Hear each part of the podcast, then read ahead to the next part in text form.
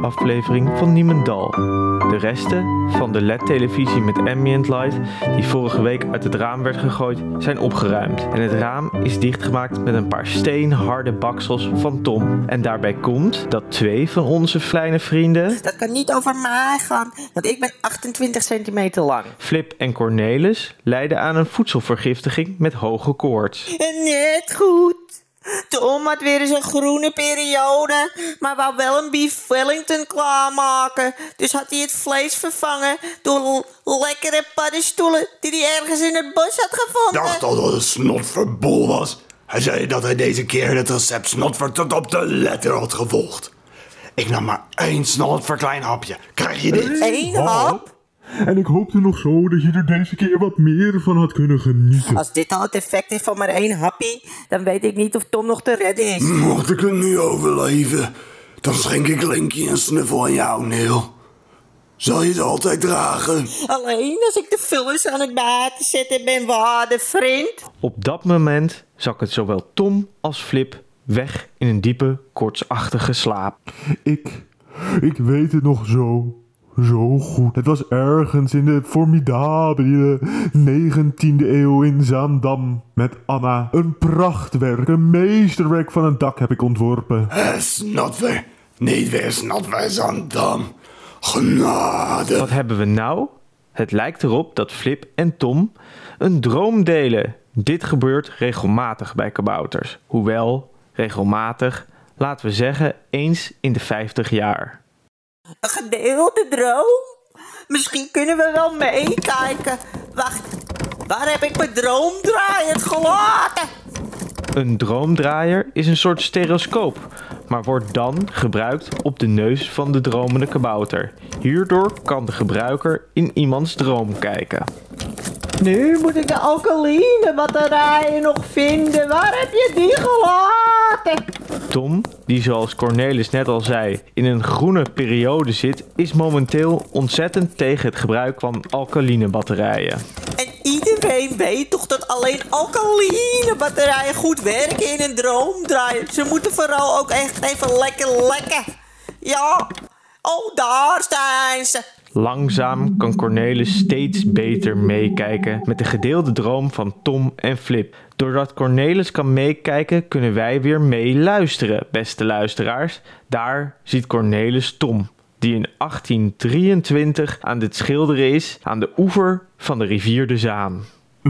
Magnifieke streep hier en een likje verf daar. Nou, het begint al aardig te lijken hoor. Ik denk dat ik deze maar op ga sturen naar Parijs. Misschien kan deze wel worden opgenomen in de salon. Snotver, nee nooit. Dat ding is nog te lelijk om te dienen als snotlap. Ik voel me echt dat er iets nieuws gaat gebeuren na de renaissance. Ik weet nog niet wat.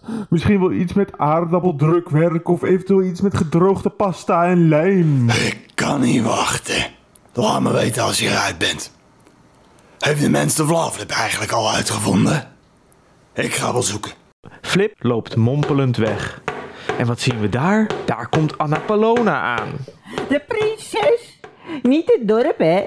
Maar dat zou pas echt onlogisch zijn. De prinses, die even is weggevlucht van haar hofhouding, loopt richting de waterkant, waar ze Tom ziet zitten. Watski, hebben we hier een geschilderde gnom?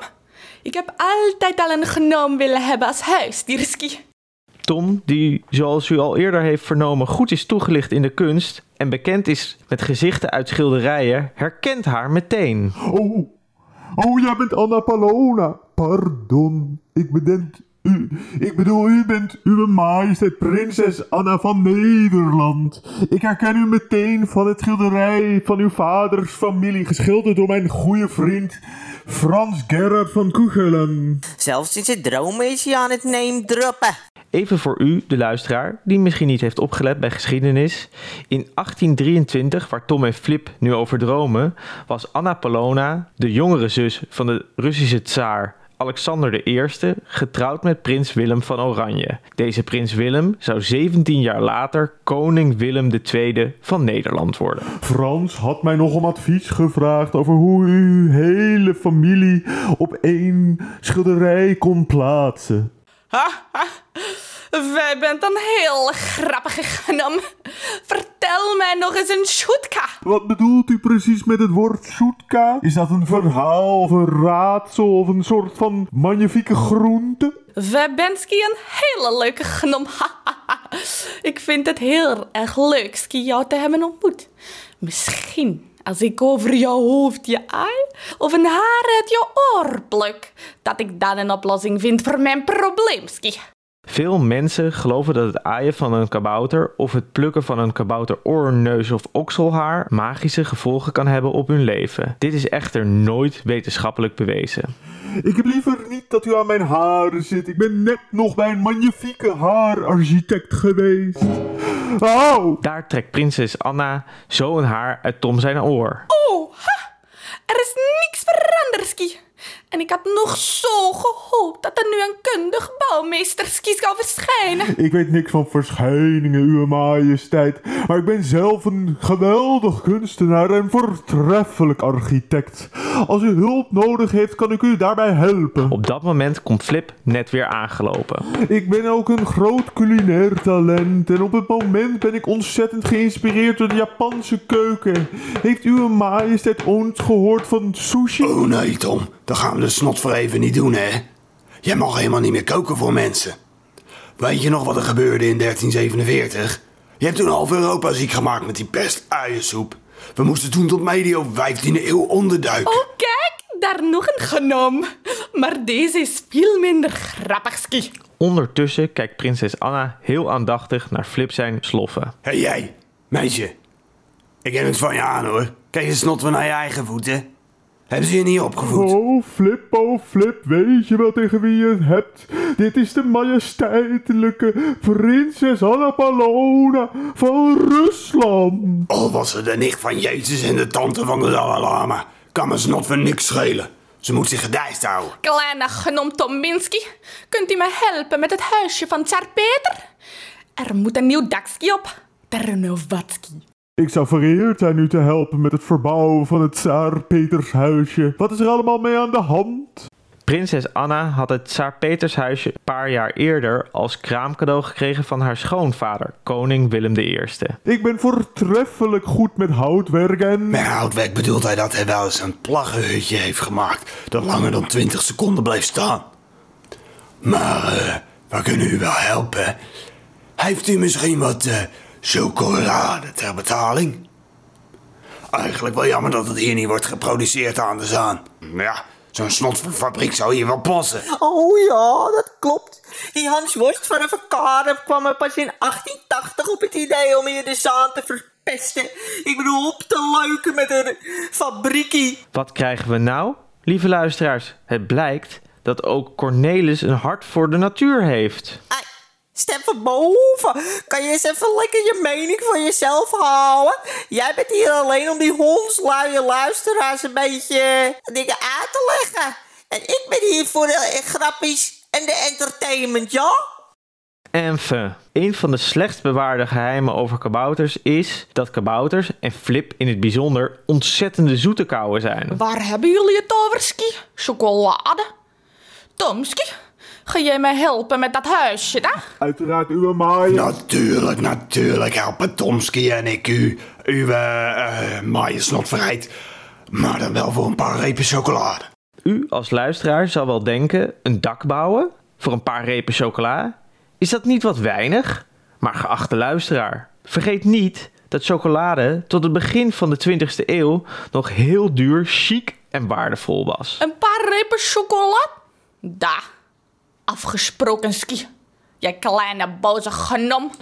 Bij het horen van de belofte van chocolade begint Flip in een ronde te springen en jubelt hij heel erg gelukkig. Een merkwaardige gewaarwording. Jippie! Bijna even goed als Vlaaflip. Hoor je dat, Tom? We krijgen chocolade! Vlaaflip, hoor je dat, Tom? We krijgen chocolade! In 2012 heeft ene KB Oudert een scriptie ingeleverd voor de studie communicatie aan de In Holland te Diemen. In deze scriptie werd aandacht besteed aan de positieve effecten van een gelukkige kabouter. Echter is deze scriptie nooit officieel gepubliceerd, waardoor deze bevindingen nooit gereproduceerd zijn door een ander onderzoeksteam. KB Oudert kreeg zelfs een 5 voor deze scriptie en is vervolgens een bakkersopleiding gaan volgen. Ik ben zo blij. Eindelijk weer eens een echt project. En ook echt iets waar we voor betaald krijgen. In chocolade nog wel. Magisch gewoon. Op dat moment worden zowel Anna, Flip en Tom opgenomen in een wolk van kabouterpluis, die uit de navels van Tom en Flip spuwt.